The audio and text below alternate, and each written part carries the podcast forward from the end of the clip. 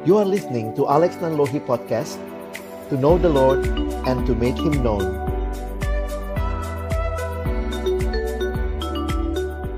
Baik, selamat malam teman-teman sekalian. Kita bersyukur buat kesempatan boleh bersekutu Dan kesempatan juga untuk kita belajar kebenaran firman Tuhan.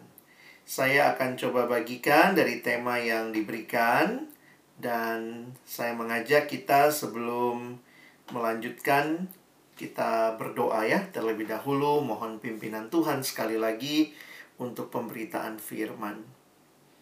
Kami bersyukur kepadamu ya Tuhan karena anugerahmu memungkinkan kami malam hari ini bersekutu, memuji, memuliakan namamu dan tiba waktunya bagi kami untuk membuka firman-Mu. Kami mohon bukalah juga hati kami Jadikanlah hati kami seperti tanah yang baik, supaya ketika benih firman Tuhan ditaburkan, boleh sungguh-sungguh berakar, bertumbuh, dan juga berbuah nyata di dalam kehidupan kami. Berkati baik hambamu yang menyampaikan, setiap kami yang mendengar, Tuhan tolonglah kami semua. Agar kami bukan hanya menjadi pendengar-pendengar firman yang setia, tapi mampukan dengan kuasa dari rohmu yang kudus, kami dimampukan menjadi pelaku-pelaku firman-Mu di dalam hidup kami, di dalam masa muda kami. Dalam nama Tuhan Yesus Kristus yang mengasihi kami, kami menyerahkan pemberitaan firman-Mu. Amin. Ya, teman-teman malam hari ini kita akan melihat satu tema yang menarik sebenarnya kalau kita coba bay- uh, melihat dalam apa yang disampaikan di dalam Alkitab ya. Kita akan melihat tentang lust. Nah, mungkin um, kalau kita teliti ayat bagian demi bagian di dalam Alkitab, saya coba ambil bahasa Indonesianya dulu ya. Karena di dalam bahasa Indonesia sebenarnya ini kayak tipis bedanya gitu ya. Kita ketemu dua kata ini.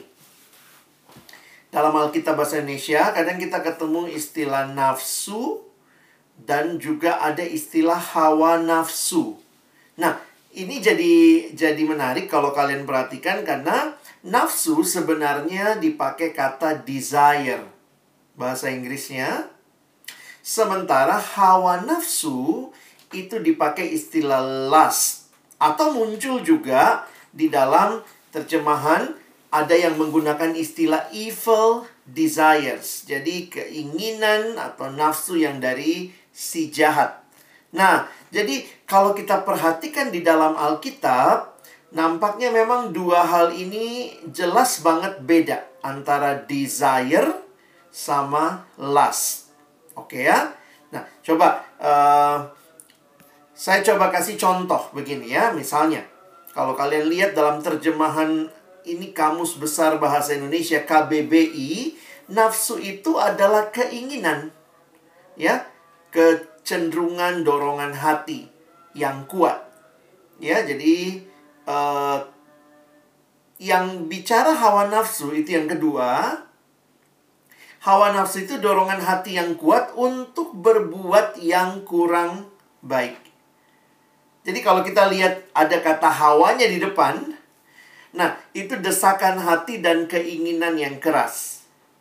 Yang uh, mungkin poinnya biar gampang dimengerti begini. Nafsu itu pada dasarnya baik. Tetapi ketika nafsu itu tidak dipakai pada tempatnya, itu menjadi hal yang tidak baik. Karena itu, bedakan antara nafsu dan hawa nafsu. Yang di Alkitab tidak boleh itu adalah hawa nafsu. Saya kasih contoh begini. Jadi, uh, waktu itu saya pergi pimpin satu retret di puncak pulang retret itu ada seorang peserta yang kirim email sama saya. Dia kirim email, dia bilang, e, Kak Alex, terima kasih. Di retret sudah boleh belajar banyak. Karena saya bagikan firman Tuhan di situ. Lalu kemudian ada satu pertanyaan yang dia ajukan. Dia seorang laki-laki, dia bilang begini nih. Di pertanyaan ini ya. E, boleh nggak saya tanya, Bang? Kenapa ya dia laki-laki ya. Kenapa saya kalau lihat cewek bajunya seksi-seksi, kenapa saya terangsang? Oh, dia bilang begitu ya. Nah, Terus saya balas emailnya. Kira-kira saya balasnya apa? Waktu itu abang balasnya begini. Puji Tuhan, kamu normal. Karena kamu lihat terangsang. Yang kalau kamu nggak terangsang, mungkin ya itu kamu nggak normal gitu ya. Saya harus bawa kamu ke dokter gitu ya. Saya harus bawa kamu ketemu dokter karena kamu kok nggak terangsang gitu. Nah, poinnya adalah begini, saya bilang sama dia. Terangsang itu bukan hal yang tabu, karena kadang kan kita nggak sengaja ngeliat. Lain kalau sengaja ya, kalau sengaja berarti itu salah kamu. Tapi kalau nggak sengaja tiba-tiba terlihat lalu apa yang kita lihat itu membuat kita terangsang, maka saya katakan itu menunjukkan bahwa kamu punya nafsu, no, normal. Yang tidak tepat adalah mungkin yang jadi pertanyaan buat kita adalah ketika kamu terangsang apa yang kamu lakukan. Bisa jadi waktu terangsang orang itu kemudian merhatiin lagi, makin dilihat lagi, makin direnungkan, makin di saat teduhin jatuh dia dalam dosa kalau terus melihat ke hal-hal yang tidak tidak benar. Tapi terangsangnya itu sendiri bagian dari proses yang normal. Ketika ada rangsangan, baik melalui penglihatan yang kita lihat, nah itu sesuatu yang harus kita pahami secara normal. Jadi sekali lagi waktu itu saya balas emailnya begitu. Saya bilang, ya puji Tuhan kamu normal. Masalahnya adalah waktu kamu terangsang apa yang kamu lakukan? Kamu terus liatin, atau kamu kemudian membayangkan, kamu berpikir lebih jauh, akhirnya kamu lakukan apa? Masturbasi, akhirnya kamu merasa puas, tapi sebenarnya kamu sudah jatuh dalam dosa. Jadi, poinnya adalah begini. Nafsu seks itu baik. Kenapa? Yang menciptakan adalah Tuhan sendiri. Tetapi Tuhan yang menciptakan nafsu seks itu, Tuhan yang mendesain seks itu atau hubungan seksual dinikmati hanya dalam relasi suami dan istri. Dinikmati di dalam kekudusan. Sehingga ketika nafsu seks tidak dipakai pada tempatnya, itu menjadi hawa nafsu. Bisa dibedain? Kita semua butuh nafsu makan, bener nggak? ya kita butuh nafsu makan. Nafsu makan itu dari Tuhan. Jadi waktu lihat makanan, kan nggak mungkin kita lihat makanan, makanan lihat kita, terus kita nggak ada nafsu, lihat-lihatan begitu ya. Justru waktu kita melihat makanan, harusnya kita ada nafsu untuk makan. Nah, tetapi ketika nafsu makan itu misalnya kita pakai tidak pada tempatnya, kita makan berlebihan, kita makan semuanya, kita menjadi rakus. Nah, maka penyalahgunaan nafsu yang adalah anugerah Allah yang didesain Allah yang diciptakan Allah untuk manusia ketika kita tidak menggunakannya dengan tepat nah itulah yang disebut sebagai hawa hawa nafsu. Nah memang secara khusus di Alkitab ketika bicara lust itu biasanya dikaitkan dengan hawa nafsu yang sifatnya ke arah seksual. Ya jadi memang itu karena masih ingat mungkin kalimatnya Yesus kalau kamu lihat perempuan lalu kamu mengingininya dalam hatimu itu istilah yang dipakai kalau kamu secara last menginginkan dalam hatimu maka kamu telah berzina. Jadi kembali lagi ingat ya Tuhan ciptakan seks. Tuhan yang ciptakan seks, Tuhan yang ciptakan juga nafsu makan, Tuhan yang ciptakan nafsu seks, Tuhan yang ciptakan nafsu untuk untuk misalnya belajar ya kita punya gairah ya. Jadi karena nafsu itu bicara desire passion. Nah ketika itu tidak dipakai dengan benar disalahgunakan diselewengkan itulah yang disebut di dalam Alkitab dengan hawa nafsu. Nah memang penggunaan istilah lust di Alkitab tidak semuanya berkaitan sama seks saja tetapi juga misalnya kalau kalian lihat 1 Yohanes pasal 2 Nah itu dipakai istilah keinginan daging, keinginan mata, keangkuhan hidup ya. Rasul Yohanes mengatakan sebab semua yang ada dalam dunia yaitu keinginan daging, keinginan mata serta keangkuhan hidup bukanlah berasal dari Bapa, melainkan dari dunia. Dan dunia ini sedang lenyap dengan keinginannya. Tetapi orang yang melakukan kehendak Allah tetap hidup selama-lamanya. Perhatikan istilah yang digunakan dalam terjemahan bahasa Inggrisnya. For all that is in the world, the lust of flesh, the lust of eyes, and the pride of life. Ya, nanti di ayat 17, and the world passeth away, and the lust thereof, but uh, that doeth the will of God abideth forever. Mereka yang melakukan kehendak Allah akan hidup selama-lamanya. Jadi, ada juga penggunaan las yang bicara memang keinginan yang begitu kuat untuk mendapatkan sesuatu, keinginan mata, keinginan daging. Tapi memang mostly sebagian besar kata las di Alkitab digunakan untuk berbicara nafsu seksual yang tidak dipakai pada tempatnya. Jadi kita bisa paham ya. Jadi kalau kita melihat seperti itu ya kita harusnya bersyukur ya Tuhan menciptakan nafsu. Termasuk nafsu seksual. Tapi pertanyaannya kita pakainya kapan? Kita pakainya di mana? Karena Tuhan mau kita pakainya pada waktu dan konteks sesuai rancangan Tuhan. Nah, karena itu di Alkitab Meskipun nafsu itu yang Tuhan kasih sama kita, tapi banyak sekali ayat-ayat yang mengingatkan kita hati-hati dengan semua hal yang bisa timbul dari nafsu itu. Nah, contoh ayat yang terkenal ya. Ada yang bilang nggak ada porno-porno di Alkitab. Ada di Efesus 5 ayat yang ketiga. Ketika Paulus bicara tentang kekudusan hidup, dia bicara kepada jemaat Efesus, dia bilang begini, tetapi percabulan. Nah, itu kata dasarnya dalam bahasa asli, bahasa Yunani, itu dipakai kata porneia. Nah, dari kata inilah muncul kata porno.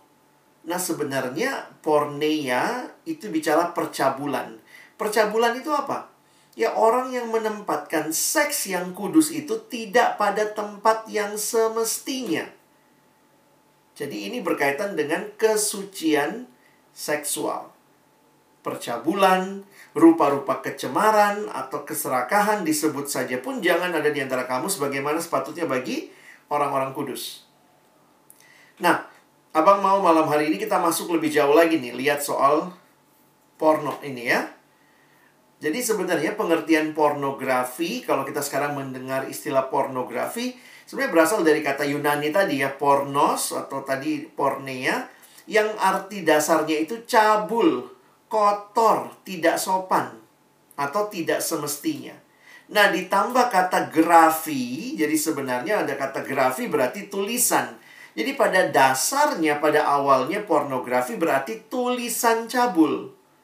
Tulisan yang berbobot cabul, tapi dalam perkembangannya grafi ini tidak hanya dimengerti sebagai tulisan ya, tapi juga dalam konteks yang lebih luas, buku, majalah, koran, stensilan, dan lukisan cabul, nah dalam bentuk gambar, film sekarang, makanya kita bilangnya itu pornografi. Tapi sebenarnya secara kata dasar pornografi berarti grafi tulisannya. Jadi sekarang semua bentuk yang mengekspos hawa nafsu seksual itu dikategorikan pornografi. Nah, teman-temanku, sadarilah kalian ini generasi yang sangat-sangat dekat dengan akses pornografi dibanding zaman-zaman sebelumnya. Ya, abang jauh lebih tua dari kalian mungkin ya. Karena itu saya pun sudah melihat bagaimana setiap zaman itu kayak makin gampang mengakses hal-hal yang berbau pornografi. Nah, tapi kalau kita lihat dalam konteks Alkitab, dalam konteks firman Tuhan, sekali lagi Tuhan memberikan seksual itu sebagai arunia yang harusnya dinikmati dalam relasi suami dan istri bukannya diumbar begitu rupa, dibuat ke ruang publik, di diekspos begitu rupa, maka sebenarnya ya, saya kutip satu buku yang mengatakan kalimat ini.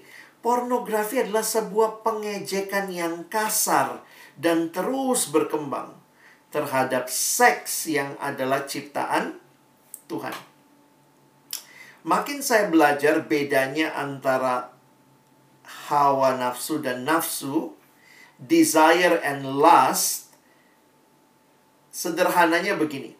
Desire itu sumbernya dari Allah. harus dipakai berdasarkan ketentuannya Allah. Tapi ketika sudah bicara lust adalah manusia yang harusnya menggunakannya sesuai dengan aturannya Allah memakai nafsu yang Allah berikan sesuai dengan apa yang dia mau. Sehingga perhatikan, hawa nafsu fokusnya pada diri sendiri. Nafsu fokusnya kepada kehendak Allah. Jadi itu beda yang paling mendasar yang saya temui bahwa ketika akhirnya itu menjadi sesuatu yang mengumbar hawa nafsu itu karena manusia telah menjadikan dirinya sebagai pusat. Ya. Jadi ingat ya Tuhan kasih seks mesti pelajari di Alkitab seks itu harus digunakan dalam arti apa? Seks di, digunakan dalam hubungan suami istri. Jadi kalau belajar di Alkitab, seks yang dewasa itu, seks yang Alkitabiah itu, seks yang mutual. Dua pihak. Jadi makanya dari sisi itu saja secara teologis kalau ditanya bagaimana dengan masturbasi, itu bukan seks yang Tuhan rancangkan. Karena Tuhan merancangkan hubungan seksual dinikmati dalam relasi suami dan istri. Bukan sendirian. Sehingga ketika melakukannya sendiri kita rasanya puas, tapi bukan itu rancangannya Tuhan. Nah, hati-hati ketika kita membiasakan, kita pikir, ah nggak apa-apa kan, gue nggak ngerusak siapa-siapa, gue doang kok. Tapi ternyata di dalam kita melihatnya itu telah berkembang menjadi hawa nafsu. Kita memuaskan apa yang kita mau, tidak mengikuti aturan yang sudah Tuhan ciptakan dan itu indah pada waktunya dengan orang yang Tuhan berikan yaitu suami atau istri kita pasangan jadi kita pun langsung menolak. Ketika ada yang berhubungan seks di luar pernikahan ada yang berhubungan seks sebelum pernikahan ke Kristen langsung berkata ini bicara hawa nafsu. Harusnya nafsu itu dipakai dalam konteks yang tepat. Nah misalnya kalau kalian perhatikan ya uh, ya ini saya nggak ada waktu menjelaskan tapi kalian bisa lihat lah di sebelah kiri itu aturannya Allah di mana tujuan seks adalah membangun kesatuan antara suami dan istri. Jadi seks itu bukan kesatuan antara laki dan perempuan ya, bukan. Itu pornografi yang membuatnya menjadi sesuatu yang silahkan lu mau main sama siapa aja silahkan. Tapi dalam aturannya Allah, hubungan seksual hanya dinikmati oleh bukan laki perempuan saja, tapi laki perempuan yang suami istri. Dan itu harus ada kontrolnya. Ya, karena itu mutual. Sementara pornografi, ya udah, lu pengen sekarang mau masturbasi sekarang apa istilah anak sekarang mau coli sekarang ya coli aja itu nggak bisa nggak usah ditahan itu itu pokoknya ya lu lu lakuin aja jadi ketika kita melakukan atau memperlakukan seks yang kudus itu seperti itu, kapan kita mau, kapan kita pengen, ya udah sekarang sekarang aja, maka kita membangun kebiasaan yang membuat kita jatuh ke dalam lust. Ya. Nah, ini sedikit uh, aplikasi untuk konteks sekarang ya karena memang sekali lagi uh, Abang ingin ingatkan ini dekat sekali dengan hidup teman-teman bukan laki bukan perempuan aja ya. Semua saya pikir gitu. Ada sebuah penelitian beberapa tahun yang lalu. Sebenarnya datanya ini agak tua ya tapi ini data yang bagi saya menarik juga waktu kita lihat hasilnya. Dibuat oleh perusahaan keamanan cyber ya yang biasa ada antivirus antivirus ya. Kaspersky ini. Dia melakukan research tentang pornografi. Ini hasilnya. Tahun 2017 dia lakukan terhadap seribu anak usia 10 sampai 15 tahun untuk mengetahui kebiasaan mereka berselancar di dunia maya. Ini hasil temuannya. Ternyata lebih dari 10% anak usia 10 tahun. Perhatiin ya, usia 10 tahun telah menyaksikan pornografi melalui internet. Karena apa ya realitanya sekarang internet itu sangat-sangat bebas. Kadang-kadang ada yang bilang gini, datang sama uh, saya, bang bang uh, iya nih. Aku soalnya nggak buka loh aku nggak buka loh. Terus kemudian muncul bisa bisa muncul gitu pop up ya. Sebagai iklan lah sebagai apa. Jadi bilang iya gue lagi googling bang tugas sekolah. Eh tau muncul. Terus lah saya nanya terus habis muncul kamu apain? Saya klik. Ya pantas gitu ya. Kamu klik jadi ya udah kamu keterusan jadinya ikut jatuh dalam pornografinya begitu ya. Dan nah ini fakta kedua ya, ngeri juga nih. 11% anak usia 10 tahun menyaksikan pornografi dari berbagai perangkat elektronik yang ada di rumah mereka. Di ponselnya, di tablet, di komputer. Jadi jatuhnya di mana? Di home sweet home. Dan ini akhirnya saya harus katakan dekat sekali. Abang nggak tahu nih, kalian yang ikut malam hari ini saya nggak mau survei lah ya itu urusan teman-teman sama Tuhan tapi waspada. Kalau ternyata kalian mengumbar nafsu seksual kalian hanya karena begitu gampangnya mengakses internet begitu gampangnya bahkan sekarang juga kalau saya perhatikan iya ya sampai di film-film seperti Netflix pun gitu ya ada banyak sekali konten-konten yang begitu mudah diakses dan itu berbau hal-hal yang tidak sesuai dengan konteks seks yang Tuhan rancangkan. Dan ini lebih lanjut. Sekitar 60% anak dari seluruh kelompok usia mengaku telah mampu menyembunyikan apa yang telah mereka lihat di internet dari orang tua mereka. Dan hal ini menunjukkan mereka lebih paham internet dari papa mamanya. Jadi kadang-kadang tahu cara apa tuh? Cara hapus history lah, cara minimize kalau ada orang yang lewat langsung minimize. Kadang-kadang di HP bisa di, dibuat begitu pakai pakai password ke lock gitu ya nggak ketahuan file-file yang kita simpan perhatikan bagaimana manusia dengan kepintarannya justru mengumbar hawa nafsu. Dan ini sangat sangat mengerikan.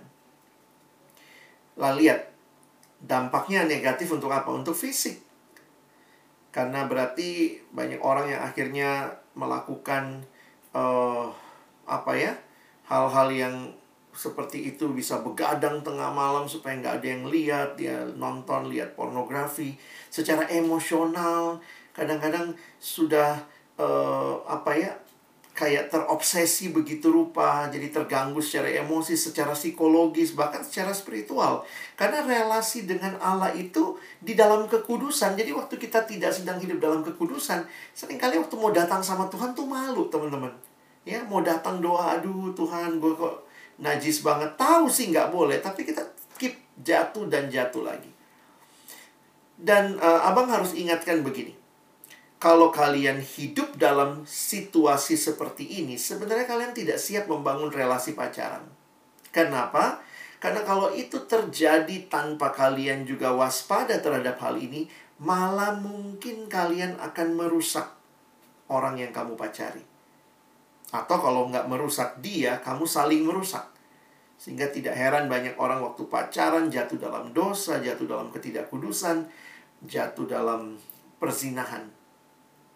Kenapa? Karena sudah terbiasa dengan pornografi itu mengumbar hawa nafsu. Sehingga ketika punya pacar, kalau dia tidak jaga diri baik-baik, yang terjadi adalah melakukan hal-hal yang yang tidak semestinya pada waktu pacaran. Nah, adakah pengharapan buat kita? Karena ini kayaknya ngeri banget kondisinya, pengaruhnya luas banget. Saya pikir jelas buat kita anak-anak Tuhan kita punya pengharapan. Ada hidup yang baru di dalam Kristus. Perhatikan Titus bilang begini, karena kasih karunia Allah yang menyelamatkan semua manusia sudah nyata dan ia mendidik kita supaya kita meninggalkan kefasikan dan keinginan-keinginan duniawi dan supaya kita hidup bijaksana, adil dan beribadah dalam dunia yang sekarang ini. Ada pengharapan ada. Karena kasih karunia Allah yang menyelamatkan, ya.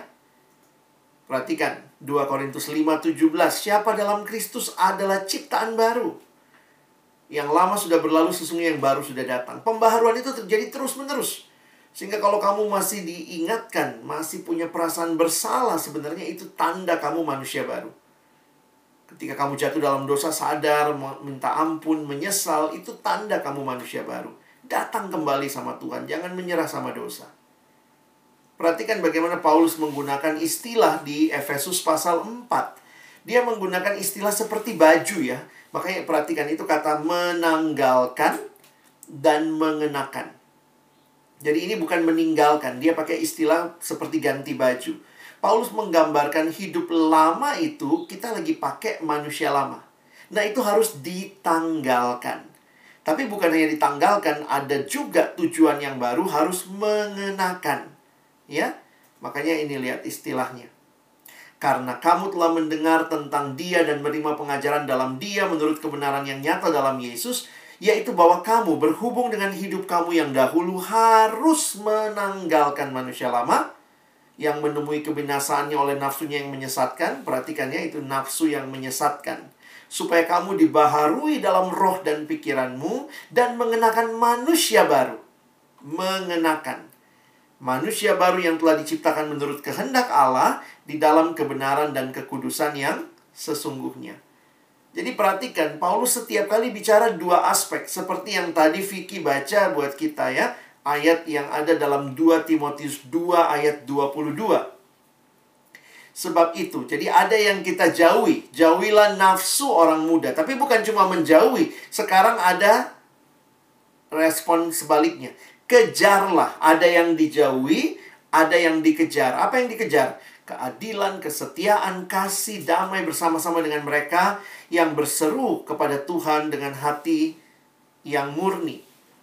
Nah, kata nafsu, perhatikan sebelah kanan itu adalah terjemahan bahasa Inggrisnya ya. Jadi kata nafsu sebenarnya ini muncul flee, uh, flee the evil desires. Jadi kata nafsu itu bukan menunjukkan kepada nafsu yang dari Tuhan, tetapi nafsu dari Tuhan yang sudah disalahgunakan menjadi the evil desires.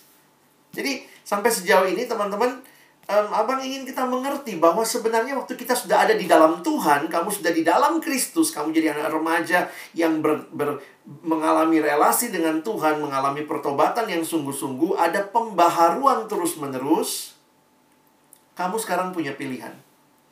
Kalau dulu di dalam dosa kita nggak punya pilihan. Di dalam dosa yang kita lakukan pasti dosa. Tapi begitu kita di dalam Kristus, kita yang masih mungkin berdosa, tapi kita juga mungkin untuk memilih yang benar. Ya. Jadi saya ingat kalimat dari Martin Luther. Martin Luther pernah mengatakan kalimat ini, saya tidak bisa melarang burung terbang di atas kepalaku. Kita nggak bisa bilang, eh jangan, ayo, nggak boleh terbang. Ya, kita nggak bisa melarang burung terbang di atas kepala kita. Tapi tentu saya bisa menghentikannya membuat sarang di rambutku atau menghentikannya menggigit hidungku. Kita nggak bisa bilang, iya, iya pak, iya kak, iya bang, saya jatuh pornografi karena semua teman saya pornografi. Loh, pilihannya bukan pada temanmu, pada dirimu. Mau seluruh dunia pornografi kalau kamu berkata tidak, ya itu pilihanmu. Kita nggak bisa menyalahkan situasi selamanya. Iya, habis Eh, begini sih saya jatuh dalam dosa karena ada kesempatan seperti itu. Kita punya pilihan. Sama seperti burung terbang di atas kepala, kita nggak bisa atur, nggak boleh lewat, nggak boleh lewat. Tapi ketika burung itu terbang, kita jangan bilang sini, sini, ayo eh, bersarang di sini. Nah, itu yang bikin kita jatuh dalam dosa. Makanya balik lagi ke contoh di awal yang uh, abang di kontak sama anak itu ya dia bilang, Bang, kenapa ya? Saya waktu lihat ada yang bajunya seksi kok saya terangsang. Saya bilang, kalau kamu nggak sengaja melihat lalu kamu terangsang, maka sesudah itu kamu punya pilihan. Pilihannya apa? Liatin terus, renungkan, saat teduhin, kamu jatuh dalam dosa. Apa yang harus kamu lakukan? Ya alihkan pandanganmu. Jadi jangan memilih yang tidak tepat. Nah, teman-teman, di dalam Kristus kita dikasih pilihan ini. Jadi, karena itu saya harus ingatkan kepada kita bahwa nafsu yang baik yang Tuhan kasih di dalam dosa menjadi hawa nafsu yang kita pakai semau kita. Tapi di dalam Kristus kita yang sudah percaya diberikan kemampuan untuk hidup berkemenangan atas dosa dia kasih rohnya yang kudus diam di hati kita. Memimpin hidup kita. Sehingga harusnya anak-anak Tuhan, remaja-remaja Kristen bisa hidup kudus. Bisa untuk memilih tidak main-main sama dosa.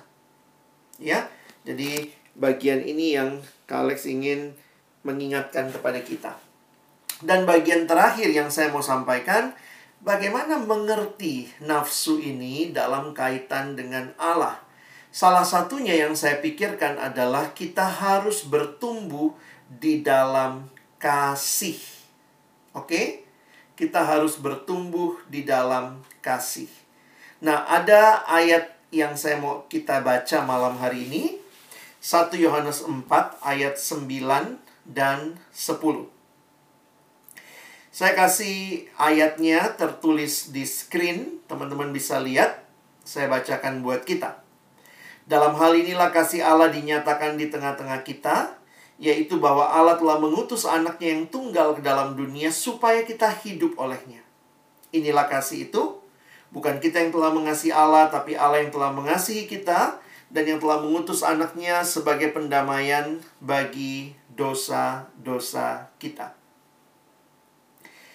Setiap kali Alkitab berbicara tentang kasih, khususnya Perjanjian Baru, menarik sekali selalu dikaitkan dengan kasih Allah melalui memberikan anaknya yang tunggal, mengutus anaknya yang tunggal. Coba lihat ayat 9 tuh.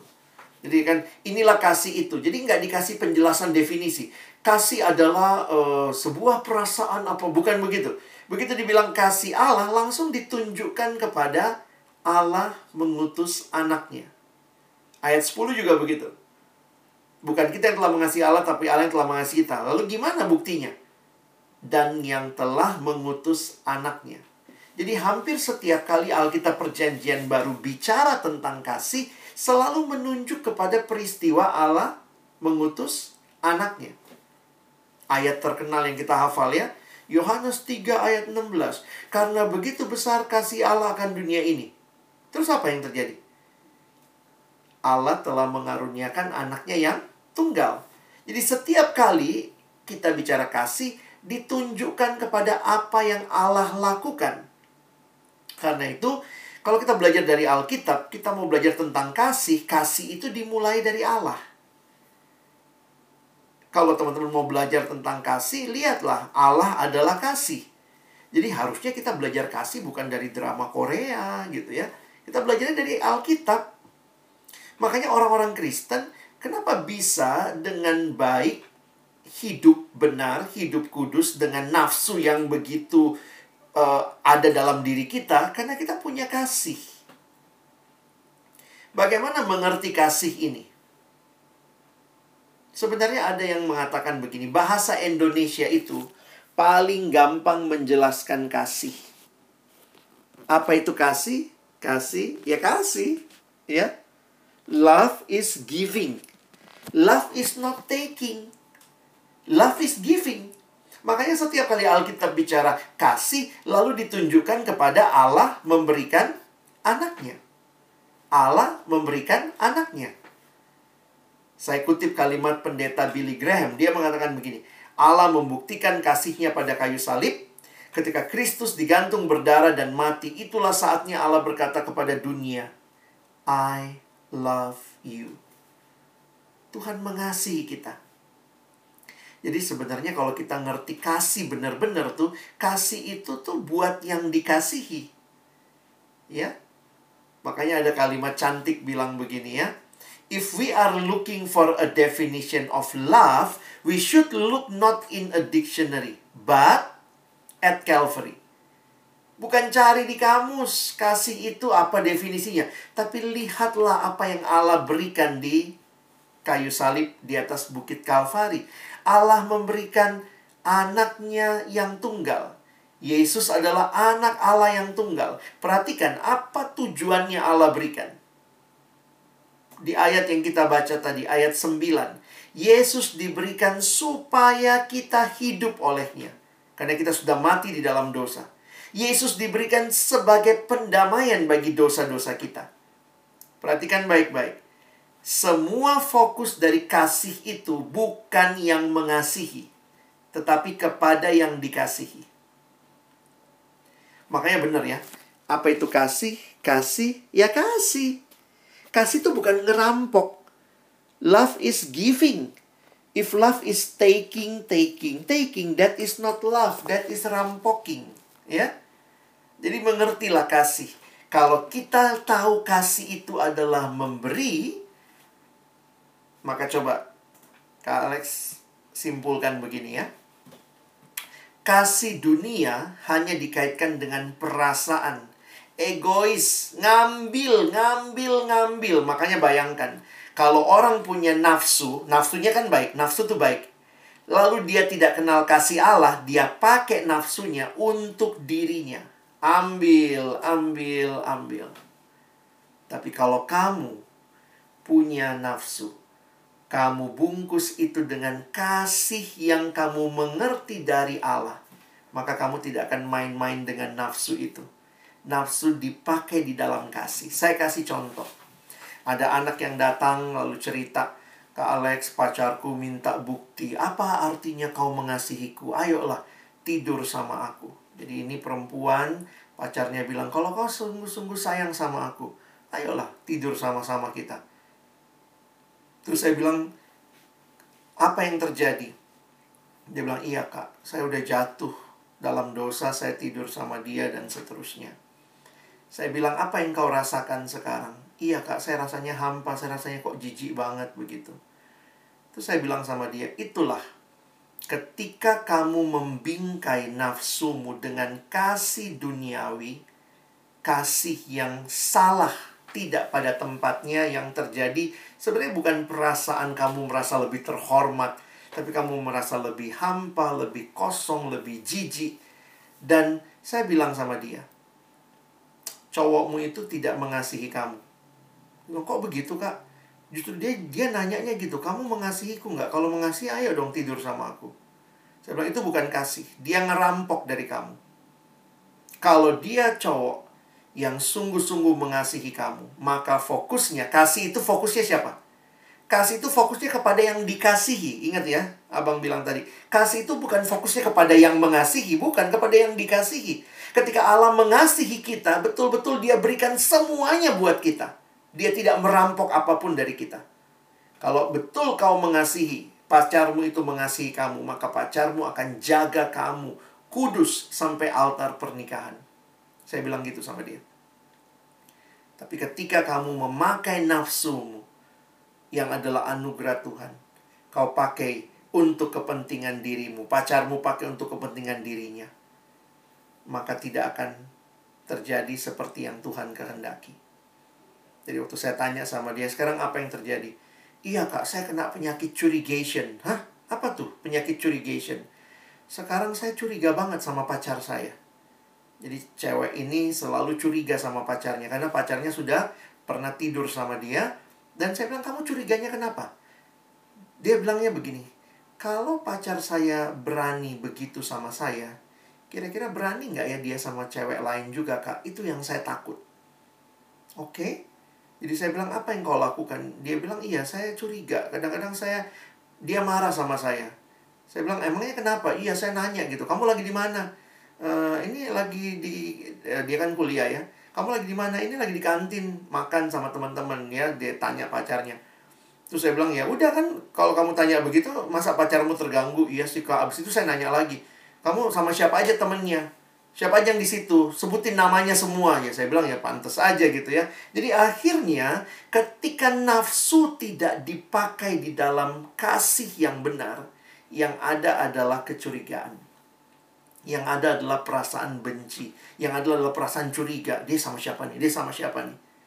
Tapi ketika kamu siap mengasihi, kamu siap membangun kasih, dan kamu bingkai itu, nafsumu dalam kasih yang benar, maka kamu akan jadi orang yang bisa bertumbuh dalam kasih ya.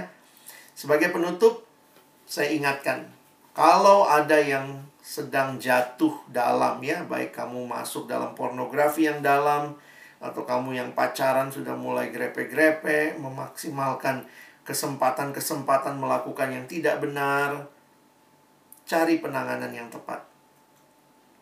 Pertama, akui kegagalanmu. Datang sama Tuhan dan carilah pertolongan dari orang-orang di sekitarmu dari komunitas. Jangan tinggal lebih lama di dalam dosa. Kalian ada di era digital, ini sangat gampang. Ini tips aja buat teman-teman ya, banyak yang masih muda, masih remaja. Bijaklah dalam penggunaan internet. Kadang-kadang saya bersyukur habis paket data, puji Tuhan daripada banyak paket data makin jatuh dalam dosa. Maksudnya kita mesti bisa membatasi apa yang kita akses. Banyak orang punya smartphone tapi goblok. Teleponnya aja yang smart tapi dipakai untuk jatuh dalam dosa, di situ akses pornografi, di situ download yang tidak benar.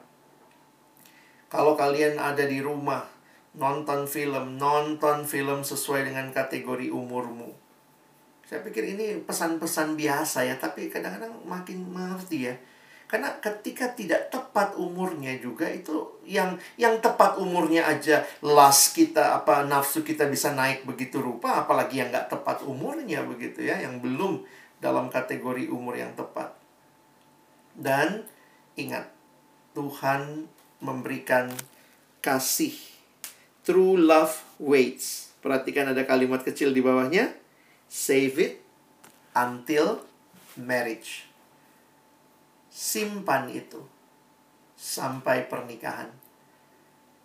Jadi banyak orang seperti sudah buka kado sebelum ulang tahun ya jangan simpan itu untuk ulang tahunnya ya simpan itu untuk pernikahan karena memang itulah yang Tuhan kehendaki. Selalu ingat Tuhan kasih Roh Kudus diam di dalam kita. Tuhan kasih firman-Nya menuntun hidup kita. Ingat kalimat firman Tuhan. Firmanmu itu pelita bagi kakiku, terang bagi jalanku. Jadi bagaimana berjalan dalam dunia yang penuh dengan menawarkan berbagai nafsu ini? Berbagai hawa nafsu ini. Ya pakai firman Tuhan. Biarlah firman Tuhan menerangi langkah-langkah hidup kita seperti pelita bagi jalan kita. Dan syukuri kehadiran komunitasnya teman-teman. Ini Tuhan kasih juga untuk membentuk kita ya. Bersyukur ada teman-teman seiman, ada uh, koko cici rohani yang bisa menolong kamu, mendoakan kamu, cari bantuan. Kalau kamu jatuh, jangan tinggal lebih lama dalam dosa. Nah, kiranya pembahasan ini menolong kalian untuk bisa punya keteguhan hati di tengah-tengah dunia yang seperti ini. Nah, waktu selanjutnya kita bisa masuk ke tanya jawab dan kiranya ini menolong memberikan landasan berpikir untuk teman-teman hidup di dalam Tuhan. Amin. Ya. Terima kasih Bang Alex. Sama-sama. Ya. Kita uh, akan masuk tanya jawab ya. Rekan-rekan silakan boleh cek personal kali ke Bang, ke Bang Alex. Jadinya ngerasa lebih aman ya. Kalau okay. ada pertanyaan-pertanyaan yang agak sedikit uh, sensitif kan Bang Alex juga nggak kenal kalian. Iya, saya nggak kenal jadi saya lebih aman ya. iya, lebih aman ya. Silakan. Apa pun boleh tanyakan ya. Ya, saya nggak saya nggak baca namanya ya. Yang saya baca pertanyaannya. Ya, baca pertanyaannya di save ya. Silakan tanyakan apa saja, chat langsung ya personal di sana. Memang ya kadang-kadang orang tua pun malu ya. Maksudnya kadang-kadang bukan malu sih, mungkin agak sedikit jarang kali bahas beginian kali ya, Bang.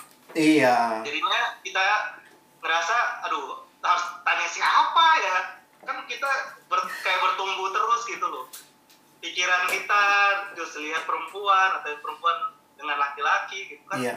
uh, uh, gitu bang banyak yang merasa orang tua kalau ditanyain ah kamu masih kecil gitu, gitu. punya anak remaja itu bikin bingung sebenarnya buat orang tua juga ya karena masa remaja itu dibilang kecil udah nggak kecil, dibilang besar juga belum besar-besar amat. silakan. Iya. Tapi di ruangan hari ini silakan tanya yang kalian penasaran, misalnya kayak ya mungkin yang kalian udah pacaran atau mungkin ya Boleh. atau apa pun ya tanyakan gitu kan kan. Hmm. silakan sudah mulai ada yang chat. Belum sih. Iya atau mungkin ada pertanyaan dari Bapak yang mungkin mewakili anak-anak. Iya nih, kayaknya dari kemarin tuh memang ada yang tanya gitu. Ini agak sedikit mungkin beda kali ya. Beberapa tanya, kok kalau misalnya eh, ada temen gitu, ya misalnya ada temen gitu ya, yang dia bukan sukanya sama cowok, eh, dia yeah. cowok tapi sukanya sama yang sesama gitu atau hmm, yang hmm. lainnya gitu tuh gimana ya? yang kayak gitu. Oke. Okay. yang suka dengan sejenis Sejenis, gitu. ya. Jadi kan Kembali kita harus lihat yang memberikan koridor buat seksualitas kita. Jadi sebenarnya begini, Alkitab bicara seks, seks itu artinya jenis kelamin.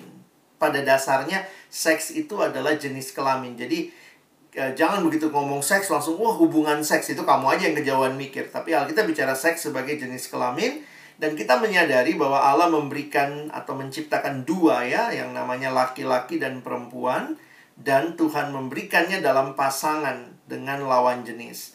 Sehingga yang menjadi guidance buat seksualitas kita seharusnya adalah Alkitab. Ya. Bagaimana kalau ada orang yang punya kecenderungan seperti itu? Maka bagi saya tetap dia harusnya melihat apa yang Alkitab sampaikan.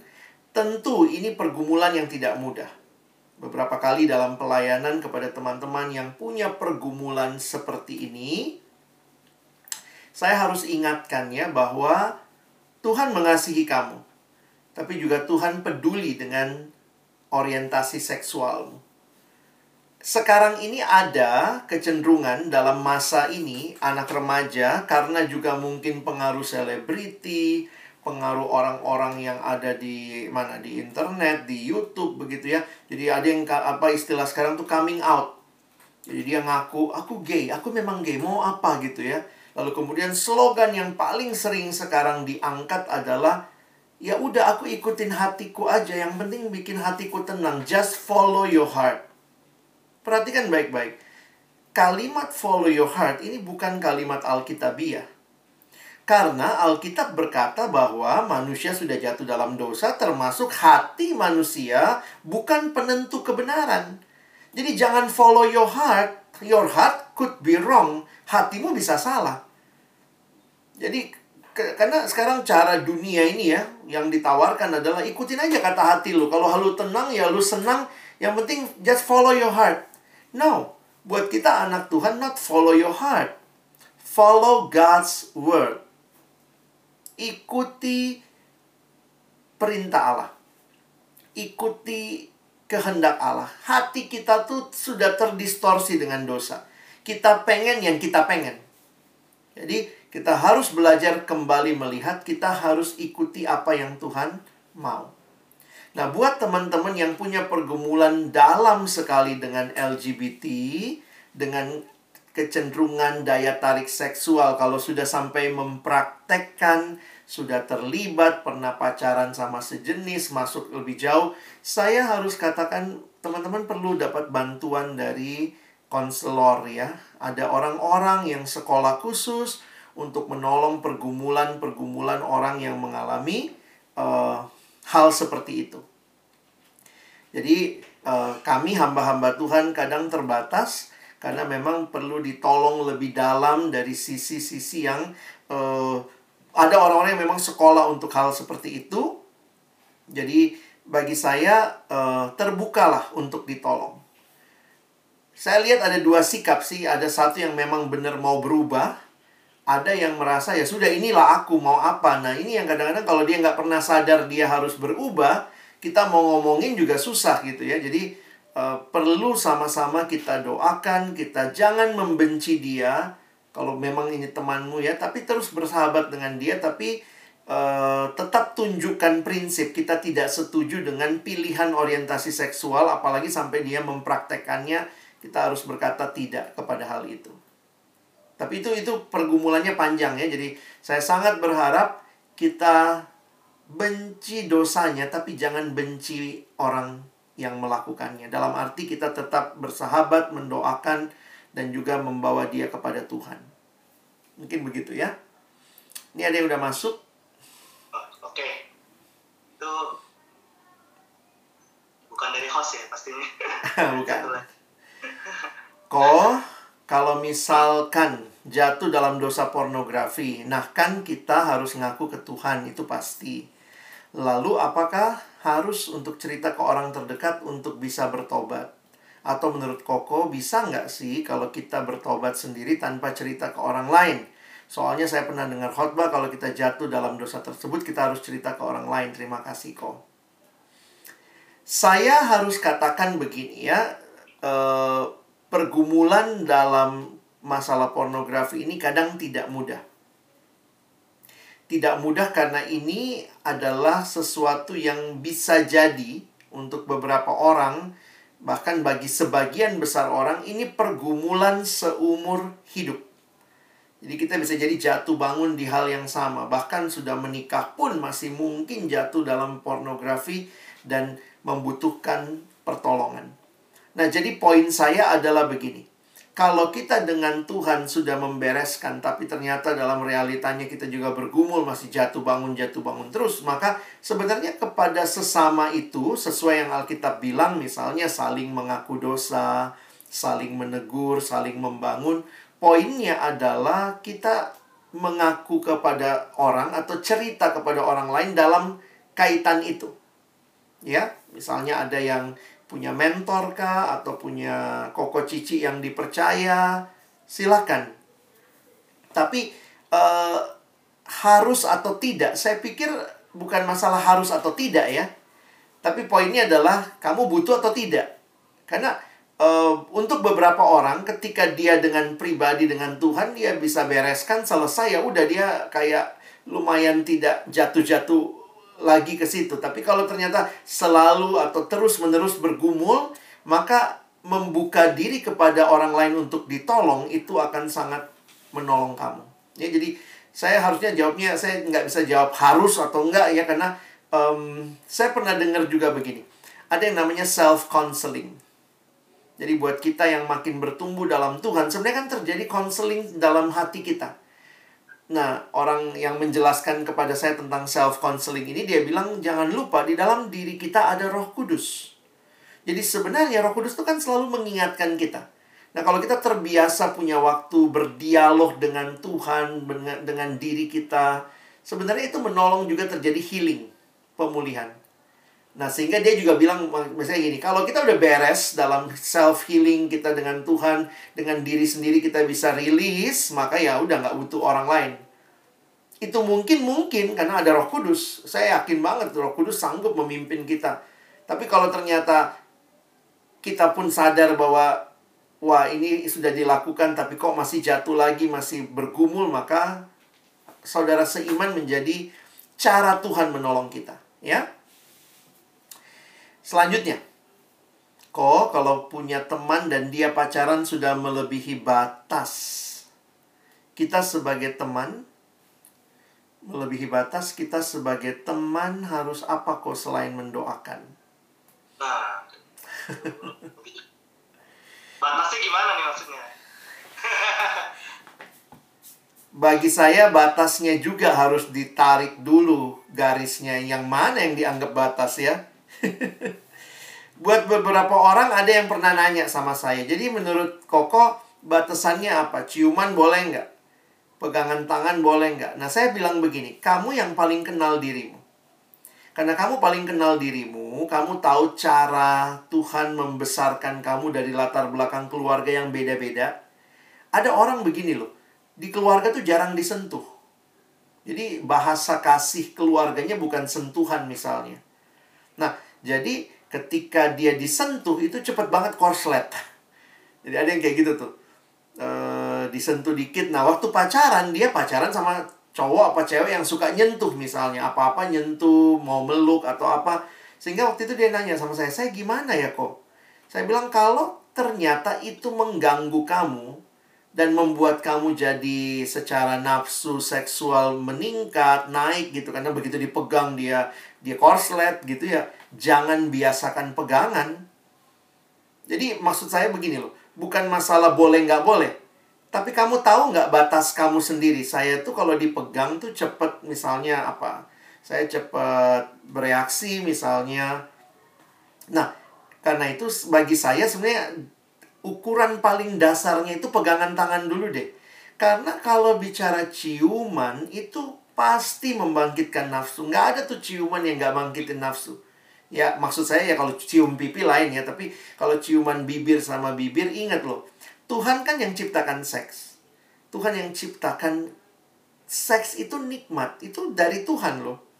Karena Tuhan menciptakan di sekitar bibir ini ada saraf kenikmatan, nanti di sekitar leher, di sekitar dada, di sekitar alat kelamin, itu Tuhan yang ciptakan.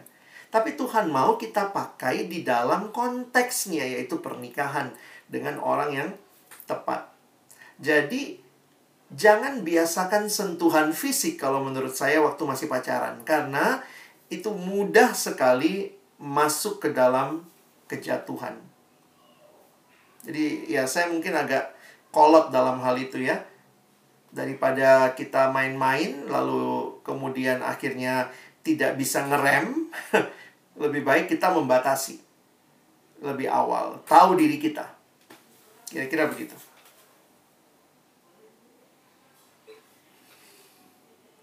Jadi kalau punya teman, dia melebihi batas, mesti tolong dia supaya poinnya memang mendoakan lalu mengingatkan. Kalau diingatkan dia nggak mau dengar urusan dia tapi maksudnya sebagai teman sebagai sahabat paling tidak kita secara ya secara baik lah ya. Memang tidak ada orang yang senang ditegur.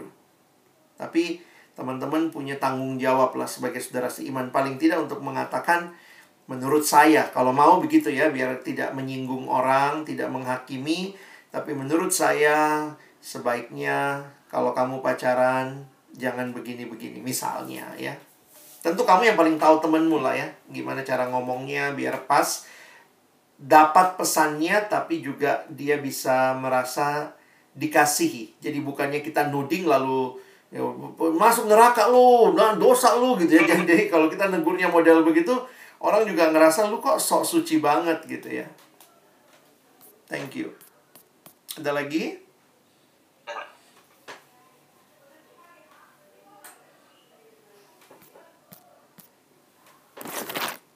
Yang ngomong tadi agak sentuh tentang pacaran ya. Mungkin pertanyaannya ini penting juga. Iya. kok kalau misalnya nih saya kan pacaran misalnya pacaran masih yang remaja tapi kan nggak nafsu kok cuma pengen jadi teman aja gitu Iya. kan punya turkat gitu loh ada teman deket kan yang koko bilang yang abang bilang tadi saya nggak pernah lakukan secara nafsu itu gimana ya maksudnya kan boleh dong gitu Mungkin pertanyaan dasarnya adalah apa tujuan pacaran? Kalau tujuan pacaran cuma dapat teman, kenapa nggak berteman saja? Kenapa harus pacaran? Jadi pacaran harus menemukan tujuan yang lebih jauh daripada sekedar berteman. Makanya di dalam kekristenan kita membingkai pacaran itu tujuan akhirnya pernikahan. Nah, itu menolong kalau kita punya tujuan yang jelas. Contohnya begini. Kalau kita tahu tujuan pacaran adalah pernikahan, maka kalau pernikahannya kudus, pacarannya pun harus kudus. Nah, sementara saya lihat sekarang banyak orang yang cuma sekedar pacaran karena mau punya teman. Karena ini generasi yang kesepian ya. Apa-apa, pokoknya pacar lah solusinya. Padahal juga belum siap pacaran, masih belum bertumbuh dalam kasih. Bukannya ngasih, tapi malah ngerampok, sangat egois. Jadi, saya kadang-kadang berpikir, makanya jujur, kalau saya pribadi ya ditanya, saya tidak rekomendasi anak SMA pacaran. Kalau sudah terlanjur apa boleh buat, tapi saya nggak rekomendasi. SMA tuh sahabatan dulu lah. Karena orang suka nanya gini, emang jadi umur berapa yang pas buat pacaran? Saya bilang dulu begini sama dia. Kalau kamu pacaran tujuannya pernikahan, maka tanya dulu. Kamu mau menikah umur berapa? Uh, gue merit ya kira-kira umur 28 lah kok gitu. Oke, okay, kalau kamu merit umur 28 nih ya. Kenapa 28 ya udah matang, udah siap, udah kerja lah gitu. Menurutmu pacaran itu bagusan lama atau cepet?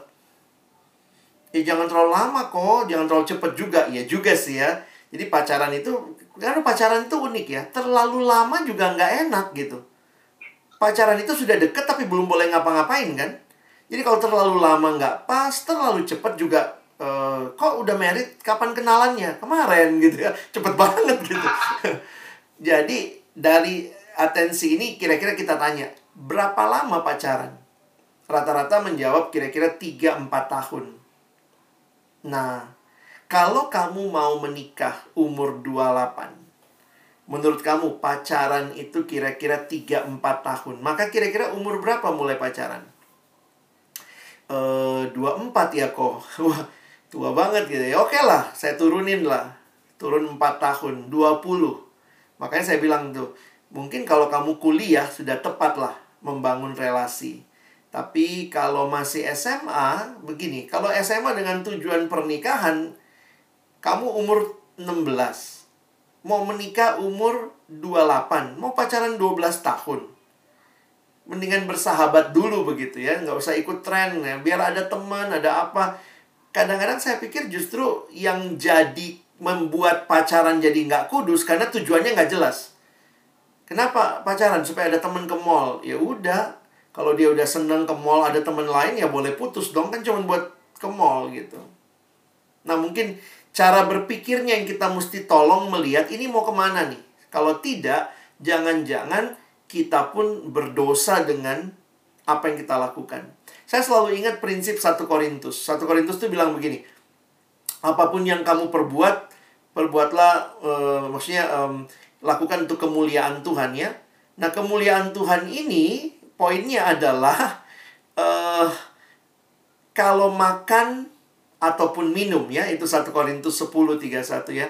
Kalau kamu makan ataupun kamu minum, lakukanlah untuk kemuliaan Tuhan. Kalau makan aja buat kemuliaan Tuhan, minum aja buat kemuliaan Tuhan. Masa pacaran buat main-main sih? Nggak nggak klop banget gitu ya. Jadi saya ngelihat harus kita bingkai jelas mau ngapain pacaran? Saya lanjut ya ada dua lagi nih.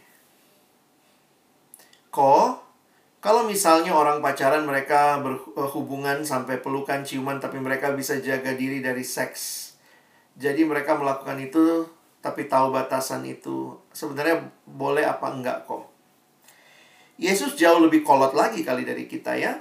Waktu Yesus bilang kalau kamu membayangkan saja di dalam benakmu, kamu sudah berzina. Nah itu perselingkuhan di pikiran. Saya nggak yakin orang yang sampai sudah pelukan ciuman tidak membayang-bayangkan pasangannya. Walaupun dia bisa nahan untuk tidak berhubungan seks dalam arti alat kelamin masuk ke alat kelamin yang satu, tapi dalam pikirannya hampir pasti sudah berpikir jauh. Jadi hati-hati hanya karena tidak berhubungan alat kelamin, berhubungan badan kita merasa masih aman. Tapi ternyata waktu pelukan, masa pelukan bayangannya biologi, matematika, fisika. Enggak lah. Jadi hati-hati Tuhan Yesus memberikan batas yang bahkan lebih lebih konservatif lagi. Maksudnya apa? Tuhan mau kita kudus. Sehingga jangan cuma bicara gini, tapi nggak sampai masuk kok, nggak sampai terjadian kok, nggak sampai nggak sampai penetrasi. Enggak, itu bukan itu ukurannya. Yesus ukurannya adalah kalau kamu sudah bersinah dengan pikiranmu, kamu sudah lebih jauh lagi bersinah dalam hatimu, ya.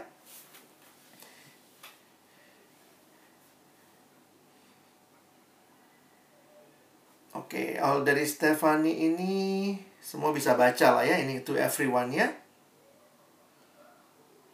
Oke, okay. thank you. Silakan nanti. Masih ada? Masuk lah. Ada satu lagi. Oke. Okay. Aku mau tanya kok. Jadi aku tuh ada teman, dia punya penyakit seks sesama jenis. Kalau mau nasihatin gimana kok? Nah, ini yang saya bilang tadi, sebenarnya ini juga butuh proses panjang ya. Kalau kalian bisa jadi temannya, temanilah. Dalam arti, uh, biasanya orang-orang yang punya pergumulan seperti ini jadi kesepian ya, karena mungkin lingkungan menolak dia, merasa dia aneh. Poin saya adalah tetap kasihi dia, walaupun tetap juga harus punya batas untuk tidak menyetujui perbuatannya. Nah, uh, kalau dia mau terbuka dan mau dibimbing, sebenarnya ya kita bisa bawa dia untuk datang sama Tuhan, cari pertolongan. Yang Koko bilang tadi ya, um, ada konselor-konselor Kristen yang bekerja sama dengan gereja yang bisa menolong teman-teman yang seperti itu. Nah, memang yang jadi masalah adalah kalau dia merasa dia aman, dia nyaman dengan situasi itu, atau dia merasa inilah diri gua. Nah, itu yang saya lihat dengan semangat anak remaja sekarang just follow your heart, be yourself. Kita bukan be yourself, we have to be what God wants us to be. Bukan jadi diri kita, jadi di, sesuai dengan Kristus. Jadi makanya Um, nah, ada beberapa buku kalau kalian tertarik ya. Uh, kami menerjemahkan salah satu buku nanti bisa cari di uh, kalau saya dalam pelayanan di Perkantas ya, di literatur Perkantas ada buku ditulis oleh seorang pendeta yang punya ketertarikan sesama jenis, tapi dia tidak mempraktekannya. Jadi, dalam buku itu dia cerita tentang bagaimana dia menjaga dirinya karena dia sadar betul dia punya ketertarikan itu, tapi dia tahu Tuhan panggil dia bukan untuk mempraktekkan ketertarikan itu. Nah, di situlah dia bicara tentang apa artinya lebih real buat dia. Sangkal diri, pikul salib, dan ikut Tuhan. Dia bilang, meskipun hatiku pengen banget lihat orang itu, Ih, ganteng banget ya. Pengen, tapi saya tahu Tuhan gak suka. Sehingga saya harus belajar mematikan perasaan itu. Jadi untuk beberapa orang seperti itu dia memilih tidak menikah, dia memilih selibat, tetapi dia belajar menahan diri. Dan dia tahu itu menjadi perjuangan seumur hidup. Ya, beberapa orang menyerah, ya sudahlah, lakuin aja kan, namanya juga dorongan hati ya, nggak bisa. Dorongan hati tidak semuanya harus kita lakukan. Ya uh, jadi sahabatnya thank you. Mungkin itu yang sudah masuk sampai sekarang. Boleh nggak satu pertanyaan lagi? Boleh. Saya nggak ada apa-apa. Saya masih free malam ini. Silakan. Ini loh kan sering kali ini saya saya sendiri menemukan ya. Maksudnya banyak orang yang gunakan bahasa-bahasa seks itu jadi percandaan. Iya dan teman-teman kan suka gitu ya kalau ngobrol seks tuh wah enak banget gitu. Yang yang yang nyerempet nyerempet yang yeah, yeah. yang berbau-bau itu suka bikin cair suasana gitu. Bikin cair Cuma, suasana ya. Iya dengan itu jadinya kita juga wah asik juga nih temen gitu. Kan biar santai gitu. Iya. ngomong serius-serius aja gitu. Biasanya sih nggak ada orang tua ya kalau ada orang tua nggak ada. Langsung diem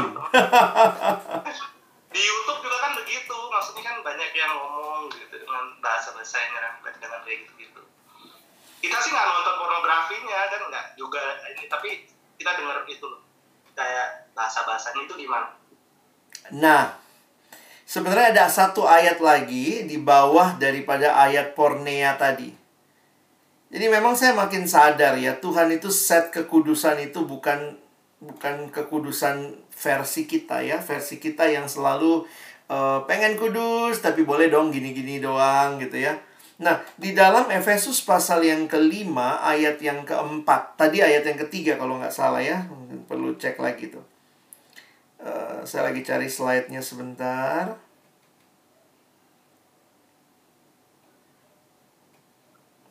Sorry, saya cek di Alkitab aja langsung ya. Coba kalau teman-teman ada Alkitab, itu semua ada di Alkitab ya. Kalau saya perhatikan, ternyata Tuhan sudah kasih petunjuknya buat kita. Efesus pasal yang kelima, ayat yang ketiga tadi soal pornea. Sekarang ayat yang keempat.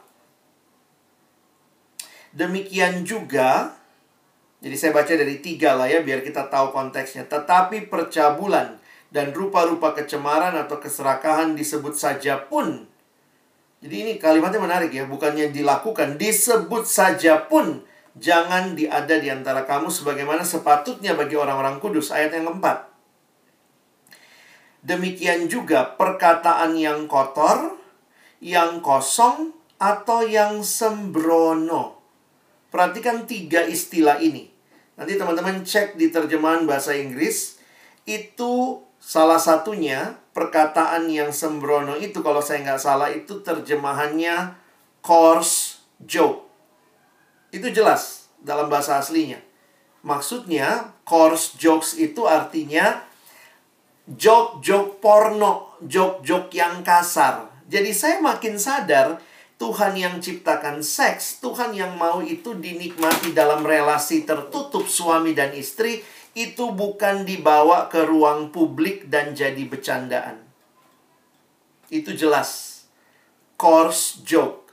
Jadi saat Efesus 5 ayat 4 kalimatnya itu menarik memberikan kita pemahaman bahwa sering kali kan hal-hal yang pribadi harusnya terjadi di ruang suami dan istri jadi sesuatu yang dibawa ke ruang publik. Dianggap lucu, dibecandain dan jadi bercandaan umat gitu ya. Saya tahu karena saya dulu naik kereta api. Saya naik kereta uh, dari Depok dulu ke Jakarta. Itu pagi-pagi di kereta itu tuh itu bercandaannya bercandaan jorok loh di dalam kereta tuh bisa bisa ngeri banget gitu sesuatu yang terjadi di dalam kamar antara suami dan istri seks yang kudus yang diberikan dalam bentuk privat menjadi sesuatu yang di dibuat begitu rupa. Dan bagi saya itu melanggar. Maaf ya kayak pertanyaan-pertanyaan itu tuh. Um, semalam berapa ronde sama istri? Sudah ngapain aja sama dia. Dan itu jadi sesuatu yang itu pribadi, itu sangat pribadi dan Tuhan berikan itu dalam eksklusivitas suami dan istri. Nah, jadi hati-hati kalau merasa mau jadi gaul dengan cara bercanda jorok. Saya pikir Tuhan jelas set the bar, kita harus kudus. Bahkan di Kolose, nanti perhatikan akhir Kolose pasal 4, perkataan kita harus penuh kasih harus juga bahkan membangun orang lain. Dan itu harusnya ya lebih baik kita ngejok yang seperti itu ya ngejok yang membangun tanpa harus mengumbar hal-hal yang tidak tepat. Ada yang masuk lagi tadi nih ya sorry. Masih ada? Luar biasa. Koko pacaran umur berapa kok kalau tadi saya bilang ya sebenarnya kalian mesti pikirin lah ya karena pacaran tujuannya pernikahan kalian sudah siap mau merit nggak kalau sudah siap mau merit ya silakan pacaran begitu. Tapi kalau pacarannya kamu masih SMA, umur 16, mau merit umur 28, kamu mau pacaran 12 tahun. 12 tahun. Tapi kan kok belum tentu sama dia ya. Oke, tapi jangan juga punya pemikiran ya udah bisa ganti-ganti pacar. Jadinya akhirnya jadi nggak serius juga pacarannya kan? Kenapa? Ah, ini cuman pacar musim ini, pacar kelas SMA nanti masuk lagi kuliah, nanti pacar kuliahan, nanti menjelang pacar di masa kerja. Nah, tujuan pacaran harus dibahas lebih jauh lagi ya untuk saling mengenal. Oke? Okay? Oke. Okay. Oh, saya pribadi. saya agak kasus khusus ini. Saya menikahnya sudah 37, umur 37. Saya pacaran tiga setengah tahun dan uh, ya saya punya istri saya lebih muda 10 tahun dari saya. Jadi memang dalam perjalanan kami ya orang bilang waktu itu saya kelamaan apa kelamaan pelayanan gitu ya. Uh, ya saya saya dalam satu sisi juga sadar bahwa memang tanda kutip secara umur terlambat tapi ya dalam Tuhan tidak ada yang terlambat ya. Saya menyadari ya pada waktunya Tuhan berikan. Saya saya belajar menghayati itu dan yang menarik adalah saya pertama kali pacaran pada waktu itu. Jadi istri saya adalah pacar pertama saya dan saya adalah pacar pertama istri saya. Kami sama-sama nggak punya masa lalu. Ya jadi uh, apalah ya kalau saya bicara beberapa prinsip ini ya karena saya juga hidupi gitu ya. Tidak tidak segampang itu pun juga langsung mengumbar. Suka sama orang pernah beberapa kali ya. Tapi pada akhirnya uh, pada waktunya saya pikir ya udah uh, ini yang saya doakan saya gumulkan. Dan ya bersyukur Tuhan kasih pasangan tepat pada waktu Tuhan. Thank you. Ini jadi cerita pribadi. Makasih pertanyaannya okay. ya saya rasa uh, luar biasa ya pertanyaan-pertanyaan. Terima kasih untuk thank you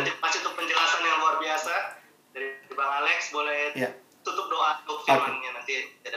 Mari kita berdoa ya. Tuhan terima kasih karena Engkau Allah yang hadir memimpin hidup kami. Memimpin masa muda kami, memberikan kepada kami hal-hal yang harus kami ikuti.